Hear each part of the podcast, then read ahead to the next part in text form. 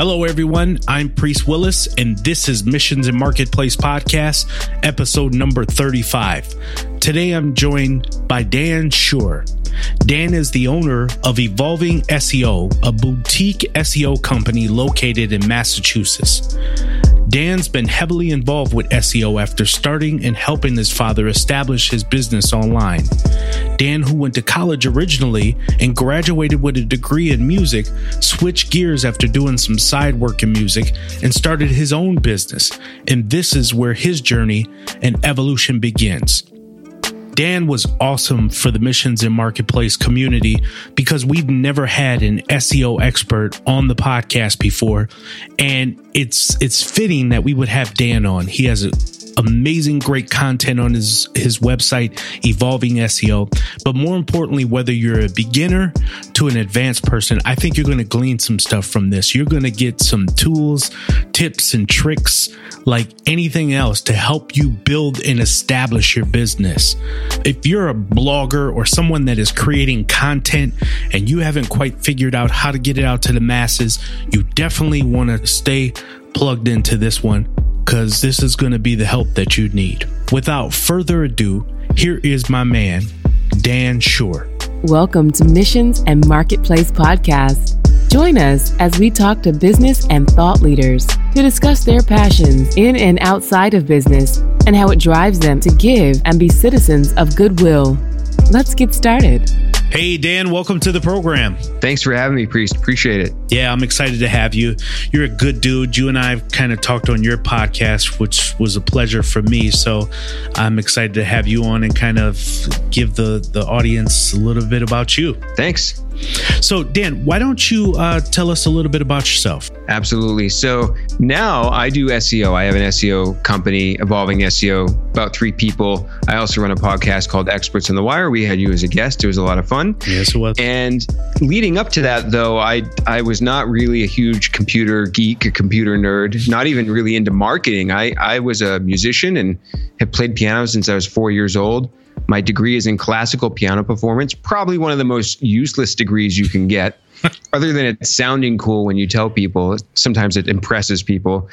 And I just kind of stumbled into SEO because I was doing it for my music lesson businesses, for my dad's businesses, it really just as a way to improve the business to grow to get customers and honestly a little bit of survival because mm. when my wife and I got married we moved back to the area that she grew up in and I had no contacts no connections no work nothing in the central Massachusetts area of Worcester where I where I'm living now and so I had to use SEO as a way to get my first piano students at that time and so it was really started from a business and marketing need for me and then that slowly transitioned into now we've got a small boutique company. We provide SEO services for e-commerce companies, software companies, B2B, B2C, content sites, and the whole thing. So that's kind of the short story of it. That's really cool. So you brought up having a useless degree, and I wanted to ask you about that a little bit. So what do you think about in general? I mean, because there's an argument out there in the atmosphere that degrees are just useless, period, regardless of what kind you have. What's kind of your take on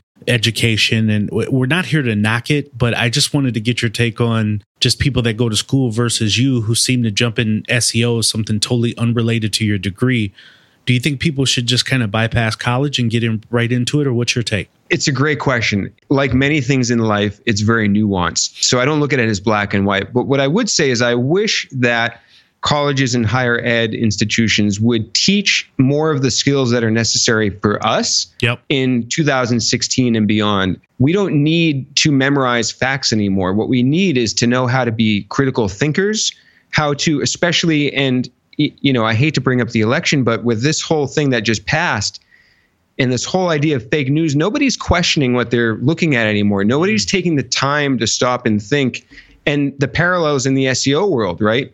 People publish these ranking studies, but no one takes the time to stop and question the data, the research, the the expertise that went into that. And I I wish colleges did a better job at instilling critical thinking in us and also the ability to I think they surface level say that they try to instill collaboration and working with groups of people, but at least my experience was not it, it was okay. It was not great in that regard. I wish they did more from that. And of course, I'm you know many years out of college now, so That's I don't right. know what they're doing now.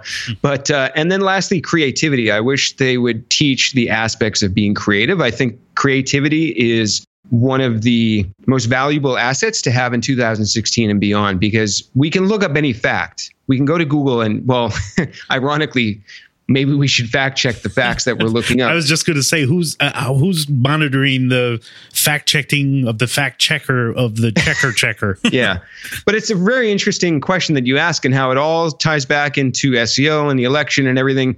The other thing that I would say about college, and I know this more anecdotally, but the fact that you have to get a loan that's thousands and thousands and thousands of dollars that yeah. you can't claim bankruptcy on that takes six, seven, eight, I don't know how many years to pay back, 10 years. Oh, yeah. With the expectation that that degree that you've paid so much money for is going to be able to allow you to pay back that loan.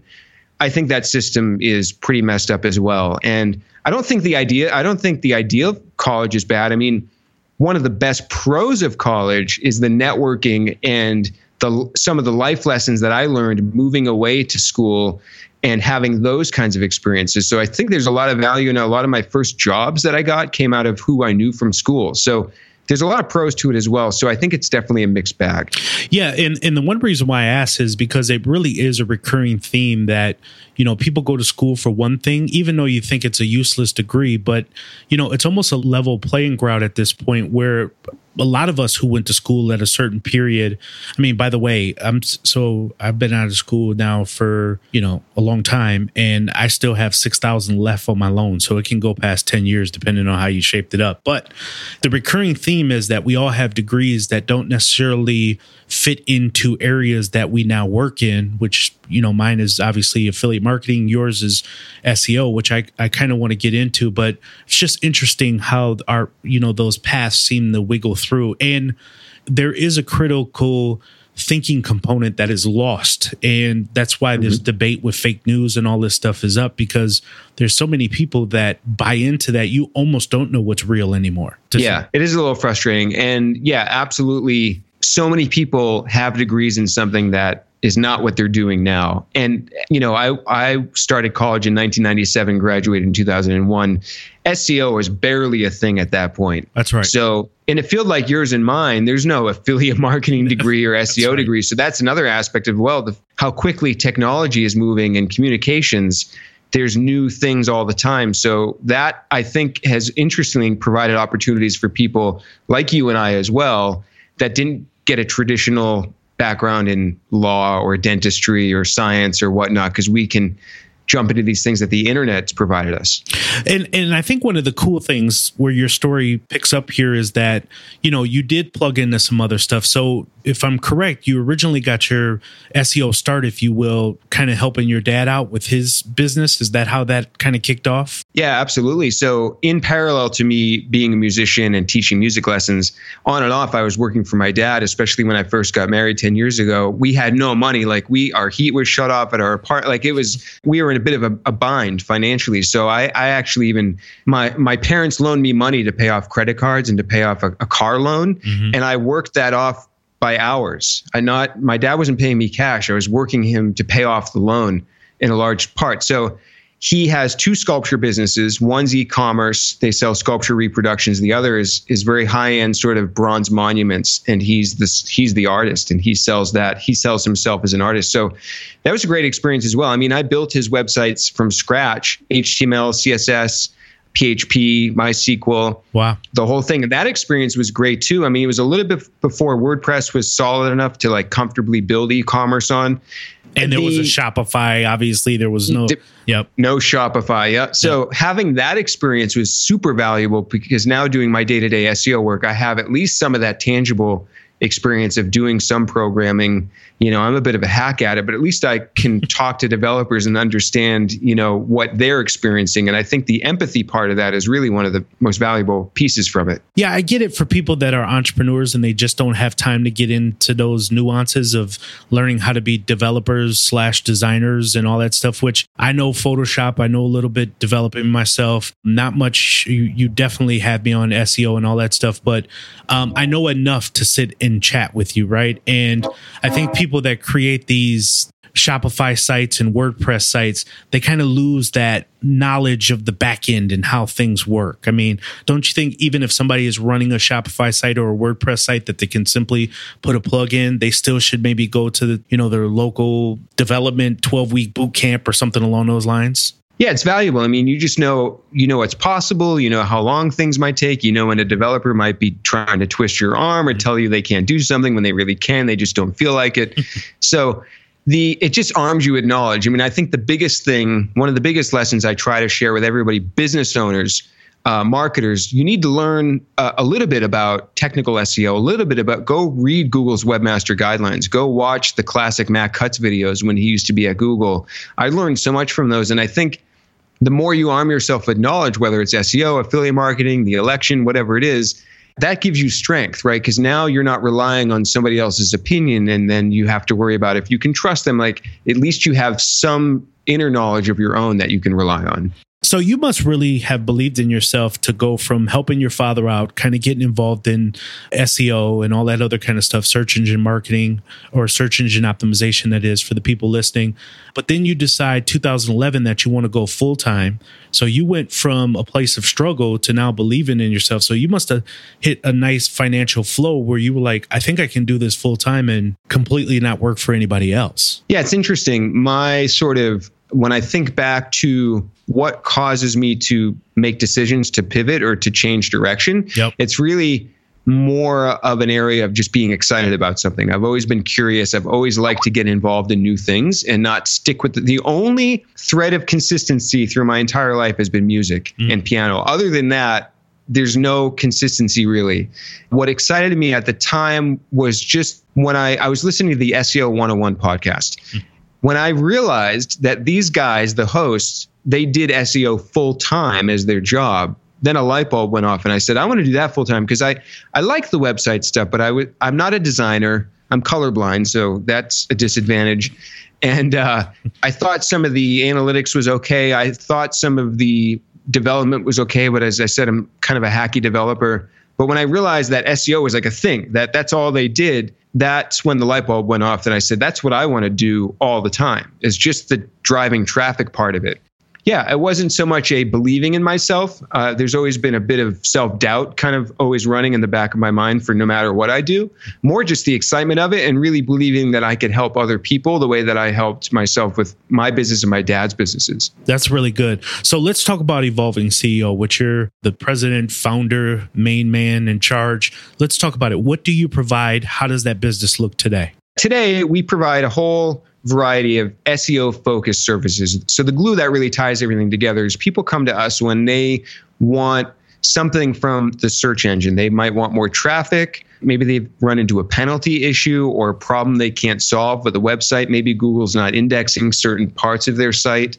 So, really, anything touching the search engine and involving the traffic or the, the client's website from there, that's when the services really get tangible because depending upon what the need is, and I'm sure you experience this with affiliate marketing, you know, it could be, you know, not every tool is appropriate for every scenario. So for some clients, we're doing more heavy duty technical auditing of websites. Others, we might be keyword researching to feed them topics for their blog. Others, we might be helping them maintain their old content or uncover opportunities to repurpose old content. Other clients, we might be just be looking for more growth hack things that look like growth hacking, where we're just trying to you know fine tune everything. Maybe they've got stuff to a certain level, but they're trying to take it to the next level. So we might be looking at optimizing title tags or optimizing the content for you know scroll depth and any variety of, of things like that. So the services really look different across the board, but the glue again that ties it all together is that we're trying to solve a problem for the client with the search engine. Now, when you talk about optimizing the title tags and the content within the page, are you actually someone that would go in and do some of the editing of the page to make more sense from a SEO friendly perspective or how does that look for someone like yourself to to work for me who may have a blog and I, I need my blog to be more SEO friendly? Great question. So tangibly, if it's a smallish site, 20 pages, maybe 50 pages.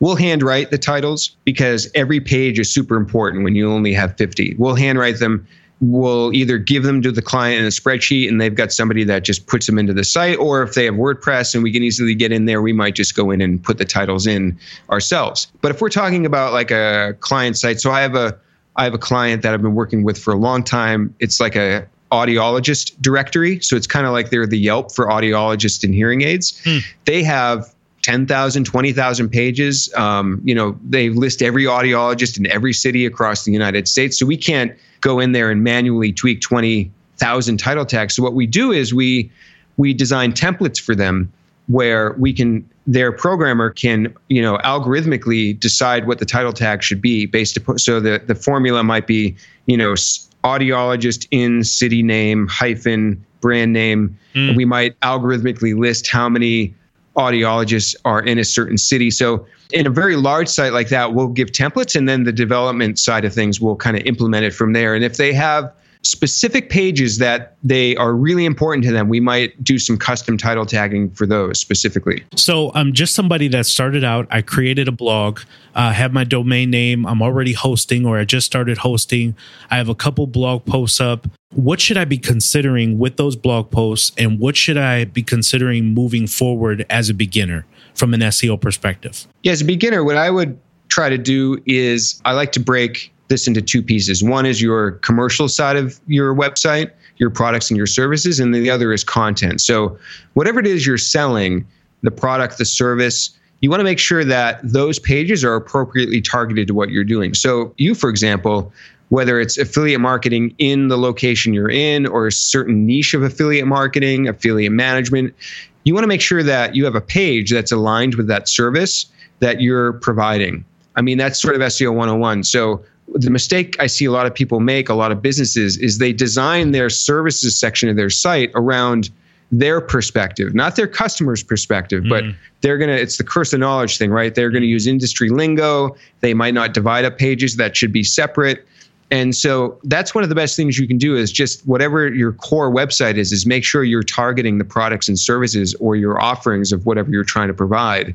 And then beyond that, if we're talking about content, and maybe affiliates are more concerned with content because oftentimes, as you explained to me, they're driving traffic to maybe product reviews. And so, what you really need to do there is what I say is 90% of keyword research is deciding what page to create to begin with, mm. not trying to twist a page to target something that you, the topic you had come up with prior to that. So, what you really want to get good at as somebody maybe creating affiliate content is finding those keyword gaps and we can get into a lot of details for how to do that. But if we're just talking SEO 101 starting out, is just know that sometimes you might create content that will rank for stuff accidentally, just completely organically. And that's great. I've seen it happen plenty of times.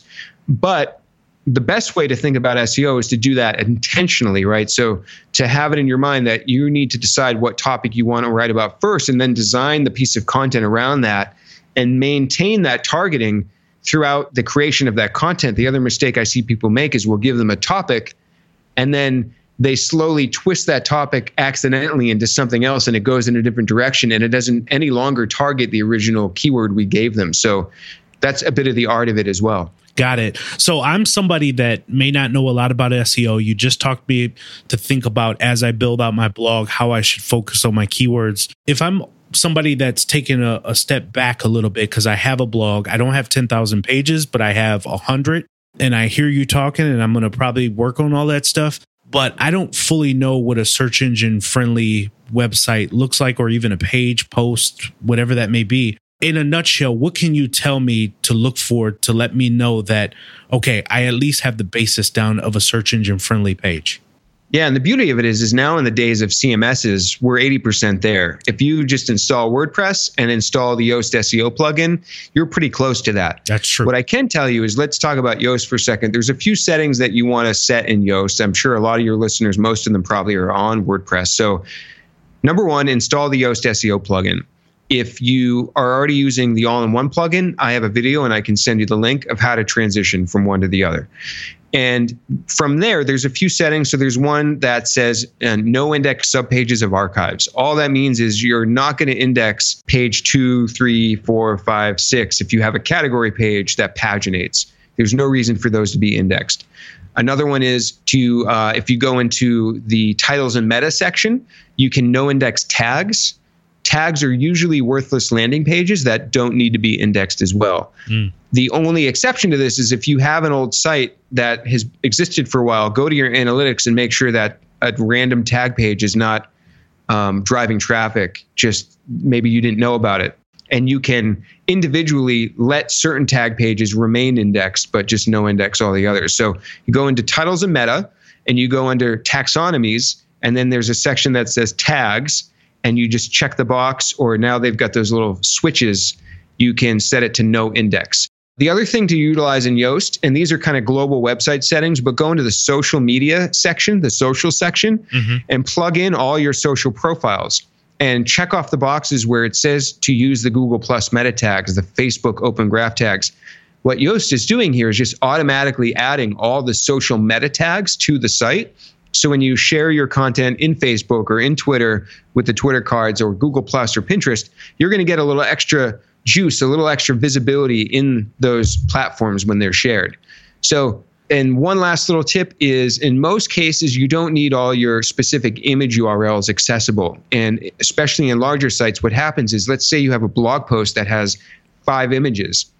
Every image that you attach there has its own unique URL, uh, an own web page. And I'm not talking about the image file. You know how you can open up an image file? Right. These are actually separate unique image URLs. Yep. And those are typically not needed as well. And Yoast has a setting under the advanced section where you can check off uh, redirect attachment IDs to the post. I forget the exact wording, but you'll see it in there. It's a little checkbox under advanced and or under permalinks. They keep moving around that's a quick little setting. And that's the beauty of Yoast that you can just use a plugin to make some global settings. So, and I know that was a lot of stuff, so the listeners might want to go back and rewind it. They can right. also, I'll, I'll, give you a link to a post I did on Moz um, about setting up the Yoast SEO plugin, and you can link that as well. And then people can go read that for all the Yoast settings.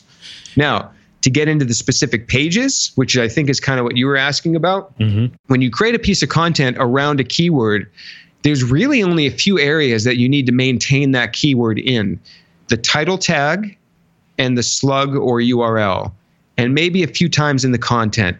The notion of stuffing keywords into your headers and into your paragraphs and bolding them and italicizing them, that's sort of an old thing. Is that because Google just got wiser about the whole deal and they're kind of saying, we're not going to pay that much attention what's stuffed in the body anymore because people used to just stuff keywords. Yeah, it's it anything that's easily gameable is probably not a ranking factor. Mm. And should you try to have keyword variants in your content? Yes, but that's because that correlates with a good piece of content. So if you're talking about marketing automation software, you're probably going to use the phrase somewhere maybe software that automates marketing or so you know what I mean? You're yeah. probably going to use the various long tails.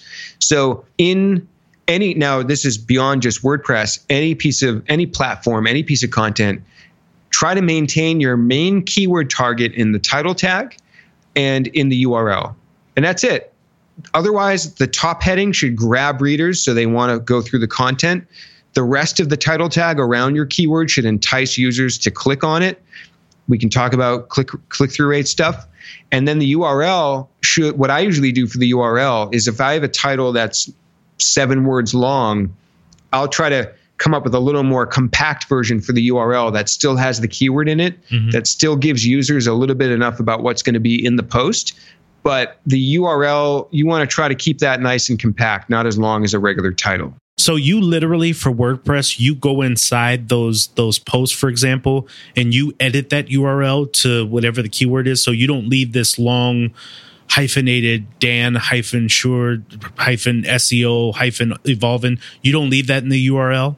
That's right. Yeah. And and just to put it into context, this sort of stuff we're talking about in the grand scheme of things won't make or break. There's so many people that don't know about this stuff and their content ranks just fine that's right. They're doing really good content. So this isn't like some magic trick. But it's a good practice. Yeah. It's it when you do it in aggregate over hundreds of pieces of content, that should add up to a little bit better success. So yeah, the way I think of it is I have the main heading of the title of the post that goes on the page itself. Mm-hmm. That's what I want users to see when they land on the piece of content. That's also my it might be what shows up when people click the Twitter button and then share it in Twitter. Mm-hmm. Then there's the page title tag.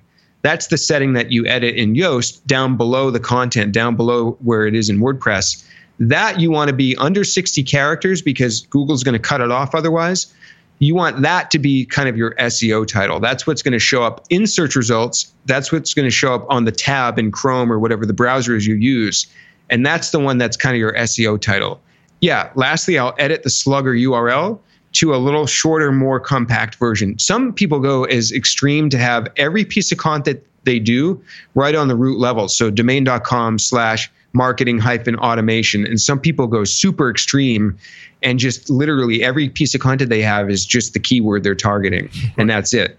And I think that's a little extreme. It's a little minimalistic. I like to hit it somewhere in the middle. Yeah. Good advice for those that are creating a blog, maybe already have a blog as you start to launch out on SEO. And the reason, Dan, why I definitely glad to have you on is because we have we get feedback from our listeners of people that want to learn a little bit more about SEO, don't understand enough about affiliate marketing, obviously. And these are stay-at-home mom and dads that are kind of peeking in. And one of the questions that we had was about they couldn't afford a biz dev person, so they wanted to create leads. Oddly enough, I know you did a conference talking about how to generate leads with SEO. So mm-hmm. if you could briefly just talk about how that person and just anyone else listening could literally use SEO, which obviously takes a little learning. Uh, Dan is here. I mean, you know, it took him some time. It's going to take you some time what is a good tactic that that person can use to kind of generate some leads with SEO? It's a great question. It depends what we're talking about with leads. So I'm going to assume maybe that's a business lead. Yep, that's right. Yeah, so maybe they're like trying to get somebody to fill out the form or call them or email them. That's exactly yeah, I think, right. Yeah, the first thing it always it's it's general marketing. It goes back to who is your customer? Who do you want to get a lead from? Then first think of that. If it's a certain person in a certain location, whatever, you need to know that first. And I assume hopefully a lot of people know that first. Then it all comes back to keywords after that and the content you have targeting those keywords. Then you need to find a way to attract them to your site. Again, just basic marketing. Now, the SEO piece comes in where the mistake a lot of people make is they think if I'm a sales recruiter that I need to just drive traffic from people searching sales recruiter in Google.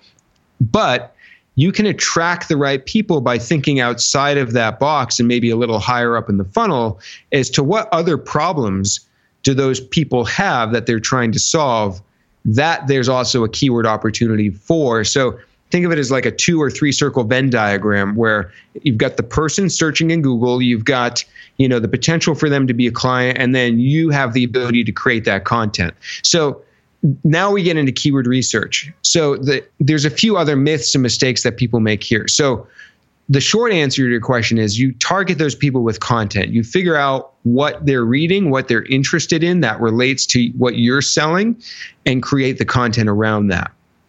That short answer is a little easier said than done, as you insinuated too. Mm-hmm. The next step is to get really good at finding the content opportunity gaps. And I have some content out there talking about this. I've got some slide shares and whatnot I can send to you.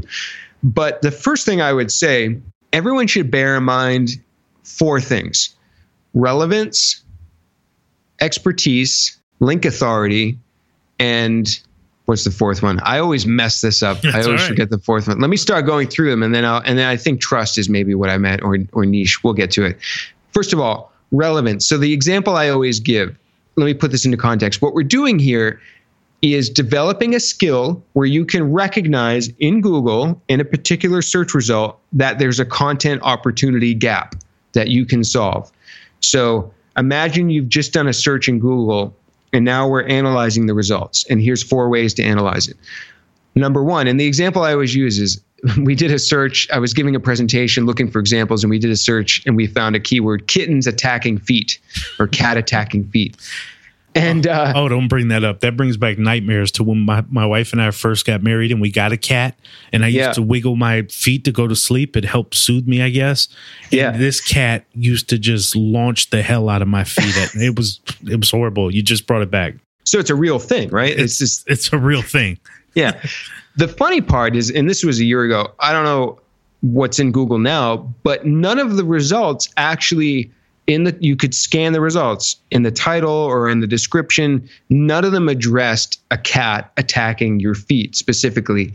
They were all broadly kind of around uh, misbehaving cat or a cat attacking you or a cat attacking another cat, but the relevance match was not there. Hmm. That's one of the biggest things to look for because in many cases, even if all the other sites they're ranking are very high authority, they have a lot of links. Google's always looking for the highest relevance match. That's one of the number one things search engines do. And so if you can come in and create content that's more relevant to that search, then you have a pretty good chance of ranking there. An example I gave for affiliates that I spoke about at the Affiliate Summit East was uh, so I like to take, you can see my photos behind me. I'm a little hobbyist photographer. I have a Fuji XE2 something or other camera. I don't know the name of it, but what I discovered was people were searching for reviews of all the lenses for this camera. I think the keyword was Fuji XE2 lenses, just something like that. But no, there was no content that was addressing that specifically. There was content about the Fuji XE2, there was content about maybe lenses in general. So that's another area where if you get really good at analyzing the search results, you can find a gap. And this goes back to the critical thinking we talked about at the very, very beginning.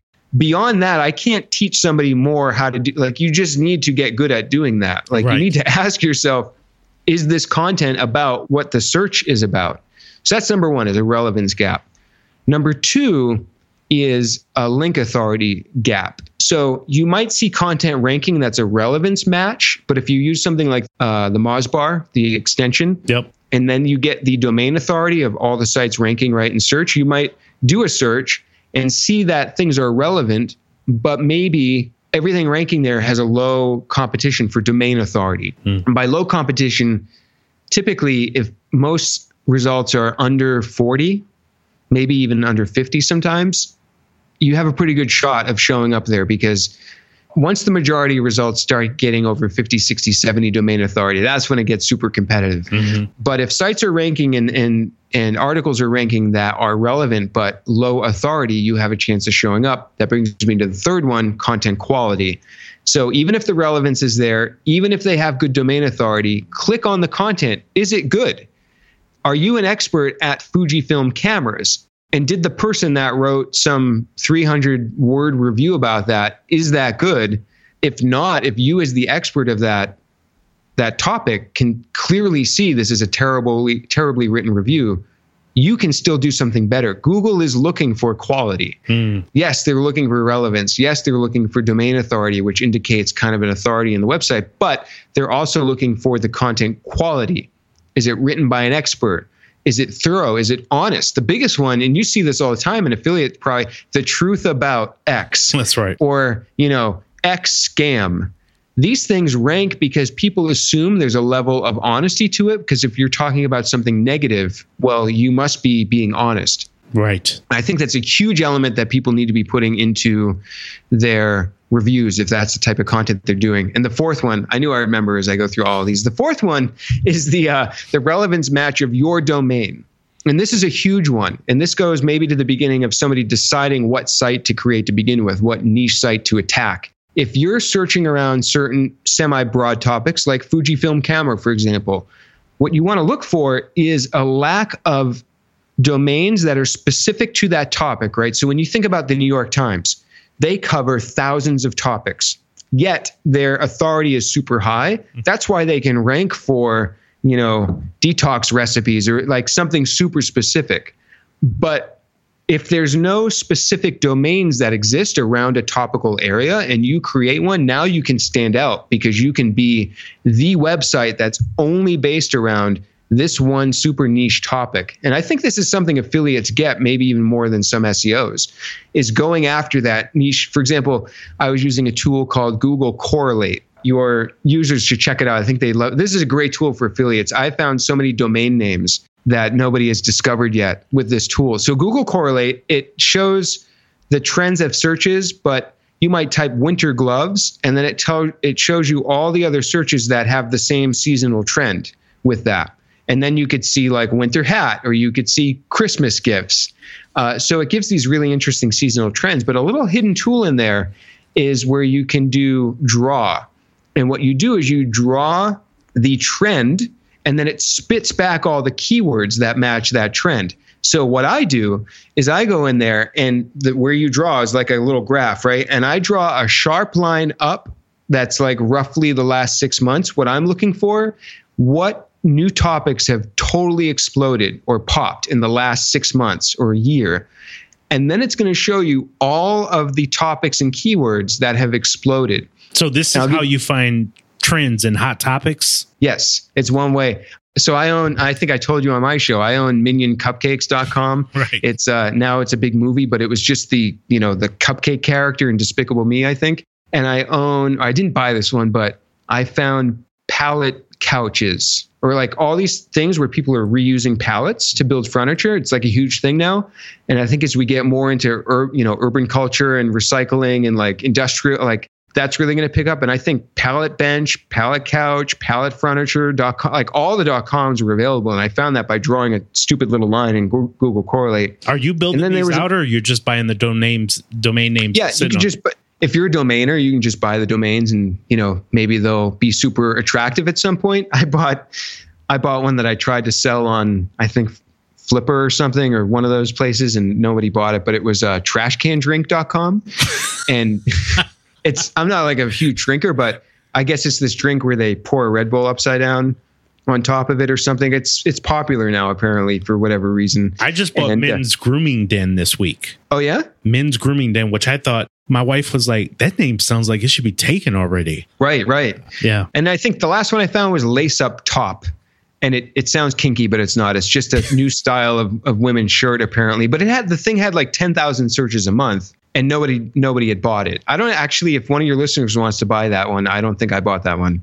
But I'm telling you I, this is just me going in there for half an hour. There's probably endless. If somebody wanted to make like a whole side thing out of this, just finding these new trending domains and flipping them, you could probably do that. You totally. could probably make some extra cash doing that. But anyways, I digress a bit uh, yeah, when it comes back to the content and ranking it for SEO to attract your leads or your customers, I mean, that's the name of the game is like, I can teach you the concepts of what to look for, and we can get into some tools and like actual tricks and tactics for finding those gaps. But at the end of the day, you using your critical mind, you need to ID that opportunity. Yeah, that's really cool stuff. And that Google Correlate, guys, that's that's to me, that's a huge one. I actually wrote it down. I'm gonna play with it myself. So, listen, I heard uh, recently, I believe it was from Pat Flynn, Nick Loper, some names that some people may know, some people may not, where they talked about deleting old blog posts and all mm-hmm. of a sudden their site immediately shooting up in the rankings. And yeah, is that true? And how is it true? To answer it just quickly, yes, it it is true to an extent. Uh, again, it's nuanced. So I think people shouldn't just go randomly deleting old content. You don't want to just blindly like do this thing. That's, you know, the truth to this is as content builds up over time, to explain it very simply, what Google's looking at is how much total content do we have indexed for your site? Let's say it's 10,000 pages. Mm-hmm. How much of that actually gets traffic and actually gets traffic that's valuable for us to send people as the search engine? If you have a really mismatched ratio there, if you're only driving traffic to 5,000 pages out of 10,000 or 500 pages out of 10,000, well, you've got some content cleanup to do. I mean, this is just good sort of content marketing, good mm-hmm. maintenance of your website. What's happening there is because you're clearing out the stuff that is just holding down the site like an anchor in Google. Because remember, it costs Google money and resources to keep your pages indexed and to crawl them. Mm-hmm. So they're always looking at, and they're looking at the whole um, trust and authority of your domain in general. So if they're sitting there going, well, this site only drives, you know, good traffic to 10% of its content, then we might lower your quality score overall. So what's happening there with what Pat and everybody was talking about is they're just they're cleaning out all the old junk that's not performing and casting just a bigger light on the stuff that is working. How do you And know so- what that old junk is? So we talked earlier about those starting off in blogging. This would be directed towards those that have been doing it for a while. How would Mhm. that person know what that old junk is? Because Google, you know, there's something behind the curtain, so you don't really know what they're avoiding. How do Yeah. I how do I know that? It's a great question. So you pull together what's basically called a content audit, and you can search around. There's a lot of methods for this. Um, the end result of a content audit, no matter what tool you use, is just a big spreadsheet. Every row is the URL of your piece of content, and then you have data about that. You have is it indexed? How many how many search impressions does it get? Does it get traffic? Does Google crawl it? So you've got you just pull together all these data points for every piece of content, and the bigger the site, the more heavy lifting it you need technically. And I can name some tools, but essentially all you're doing is you're just getting that data, and then I would start with simply what's the content that gets zero traffic, no impressions, uh, nothing. Just look at that and you know you can usually pretty quickly tell by looking at the url yeah this is old this is crappy. Oh i did that when i was like trying this thing that you know I w- I don't do anymore. And that's the stuff that's easy to cut. Now if people want to be conservative you can simply no index all that content. And by no indexing it it can still exist on your site. It's not going to break anything on your site but it's just going to stop it from showing up in google. Mm-hmm. And that's sort of a conservative first step to take what I think Pat's talking about there is actually deleting that content entirely. And the other mistake a lot of people make is they think that, oh, I deleted this, let me redirect it to something else. But the problem with this is you should only be redirecting content that's an actual match in topic or in content. So if I have an article about apples, I'm not going to redirect it to something about an iPhone. Well, that was a that was a, a weird connection. That Apple was- iPhone. I, I was going to say there is a connection there, actually, Dan. And I thought of that because I brought an apple with me for a snack, and I got my iPhone sitting right here. That's funny. But anyways, the point Or- is, orange is an iPhone. Let's say. yeah, oranges and i there we go, oranges and iPhones. But the point is, when you're redirecting to make sure it's a content match, because Google's not going to count that anyways. So back to the content audit.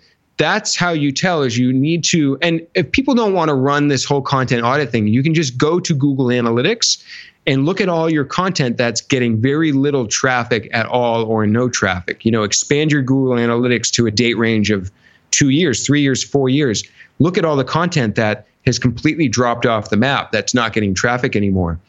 Now, the few tools that you can do some of this with that will do some of the heavy lifting, Screaming Frog SEO Spider, they now pull in uh, Google Analytics and Google Search Console data into their reports. You can use a tool called URL Profiler, a content auditing tool. What you do is you just paste in all your URLs that you want it to crawl, and they'll go out and gather all this data for you and spit back out a spreadsheet. And the other thing that gets technical that I'm sure I, this might go a little bit beyond what your users might be up for doing, but you can also look at Google log files. You can look at exactly what Googlebot is crawling. And that gets a bit more advanced, but it is out there for anyone that's a little, you know, a little interested in maybe tackling that as well. There's a tool called OnCrawl, and somebody just developed a beta plugin for WordPress, which I'll send you the link. Oh wow. Um, yeah, please do. to that where you can install a plugin in WordPress and then it puts all your crawl data in Google Analytics. Super geeky, super I love it though. you know technical, but yeah, it's really good stuff. So that's um, basically how you decide what content to cut or to keep, and then the other option might be maybe there's content that's old, but it just needs a facelift. It just needs to be, you know, so I mentioned in, in evolving SEO, one of the big things we do is content uplifts or upgrades for people is finding all the broken links on that content, fixing it, fixing outdated facts, fixing broke broken images, updating the date, updating the information. So, you know, screenshots, if you your affiliates out there that are reviewing software, update your screenshots. Software has updates. It looks different. You know, if you have a review of you know, Basecamp from 2010. It's not going to look how it looks now. So that's all the kind of stuff that you can update. Hey guys, if you want to know about SEO, this guy knows his stuff. You guys got to check out evolvingseo.com. I'm telling you, Dan is the man. And a lot of tools that we talked about, whether you're earlier or a little bit more advanced, he has tools on his website. We'll have some stuff on our page too to kind of help you along. But Dan, just kind of separately, you know, where do you want to go with your business? How do you want to scale? What what's kind of your plans, you know, in the new year? That's a great question. I've admittedly not ever been very good about planning, but I have a slightly more concrete plan than I ever used to. And that is really with my podcast. I would like my podcast to eventually be able to maybe make some revenue. So it's a client, right? So I can swap out a client and the podcast, because right now we're doing our podcast completely. We're not making any money, it's all extra. So I would love for that. And plus, you know, I'm I'm really an entertainer and like a I like kind of producing media, you know, that's kind of where my heart is, right? So the podcasting fits into that. And I was going to say, you could probably tell that I have my own podcast. I think you got in like three questions. no, the whole interview. No, I've, I've, just been blabbing away the whole time. I love it. No, this is really, really good stuff. And I think helpful for our users and listeners because, you know, this is one of the biggest things for them is SEO. So you are the first guest that we've had on the talk specifically about SEO. I believe in you. I believe in the business. That's why I absolutely wanted to have you on because other guys say they're experts, quote unquote.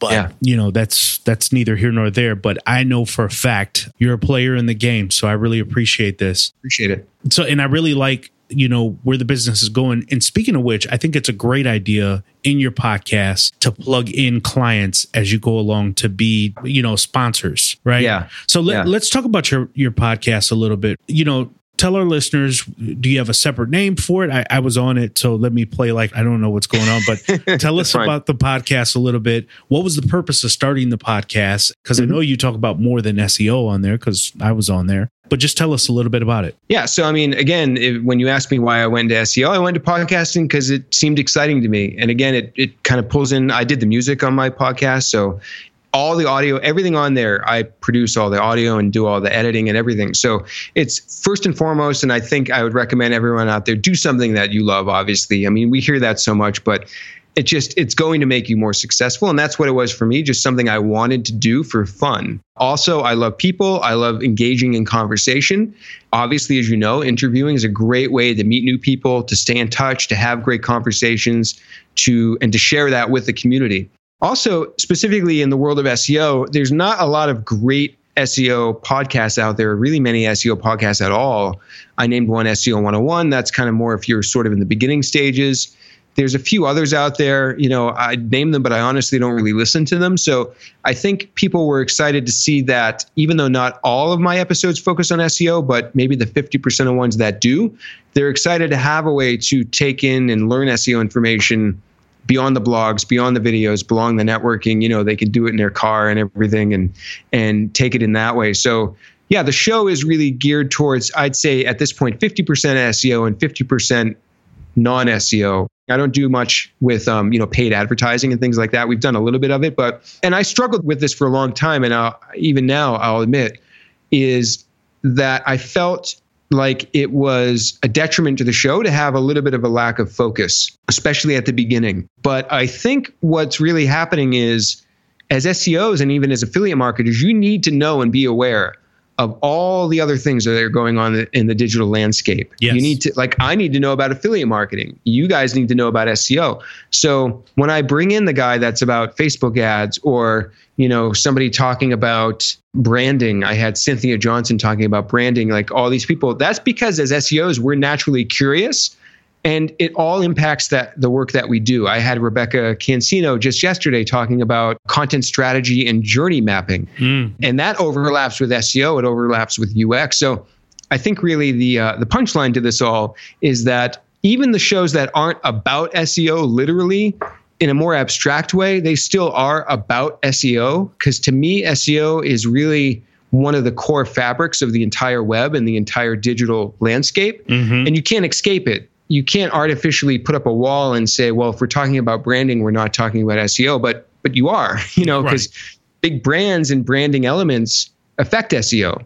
So that's a my semi long-winded answer to uh to about the podcast. You know, you you bring up a point towards the end that you know I want to be clear. Just obviously having a podcast myself is you know a podcast is an extension of who you are, and you're not you know, you do SEO and you do SEO well, but that's not who you are completely. I mean, we just talked about your musical background and you helping your, your father and having different skill sets and having dialogue and creating kind of human conversation. Sometimes I think that's fun in itself. So, you know, although you come out with an idea like, yeah, I'm going to, I'm going to have a podcast that focuses wholeheartedly on I mean, Missions and Marketplace podcast was talking to business people that were going to have stories at the end that told us about Haiti and stuff. Well, we went totally away from that.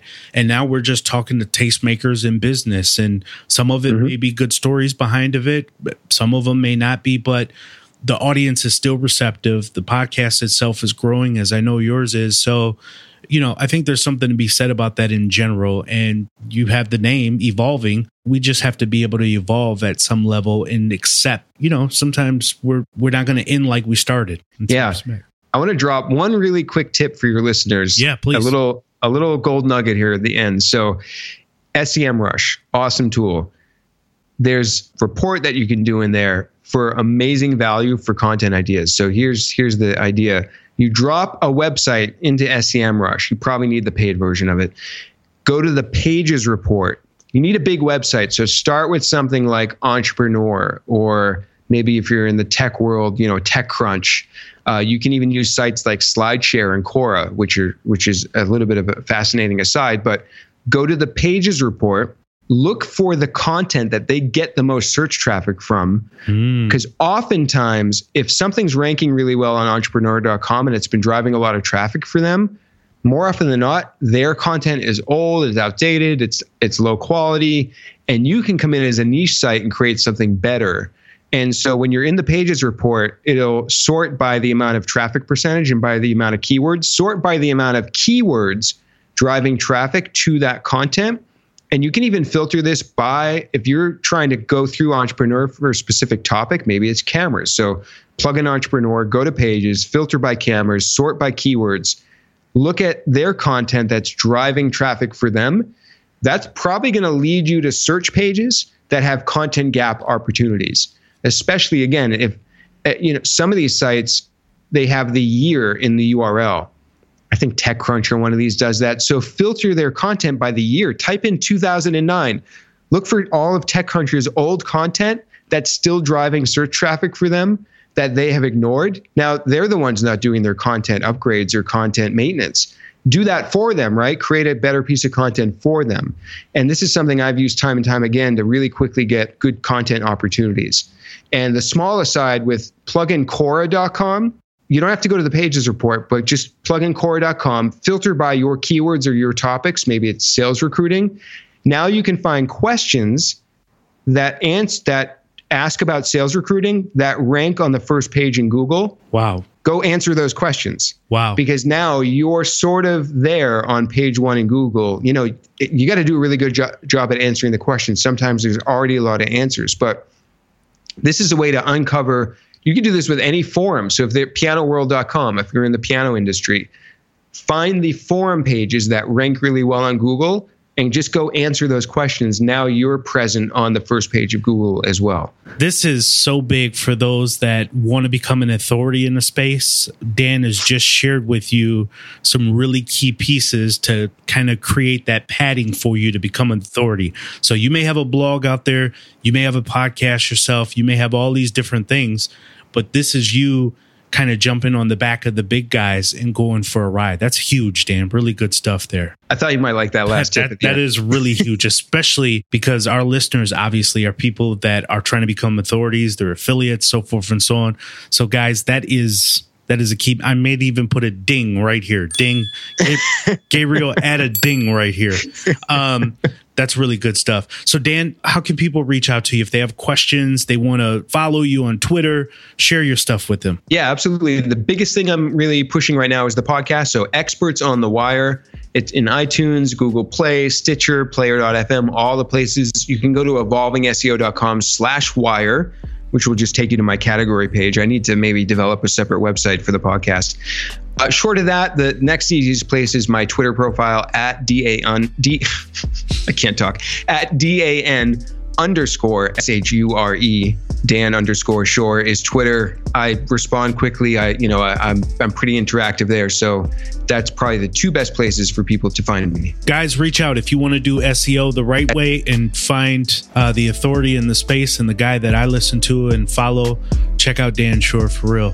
Dan, it's been a pleasure, my friend. Yeah. Likewise. Thanks Thank, so much. Thank you. Thank you for listening to Missions and Marketplace. If you have a brand or business that you want to take online, or you're already online and looking for more exposure, visit us at affiliatemission.com, the premier affiliate marketing and management agency.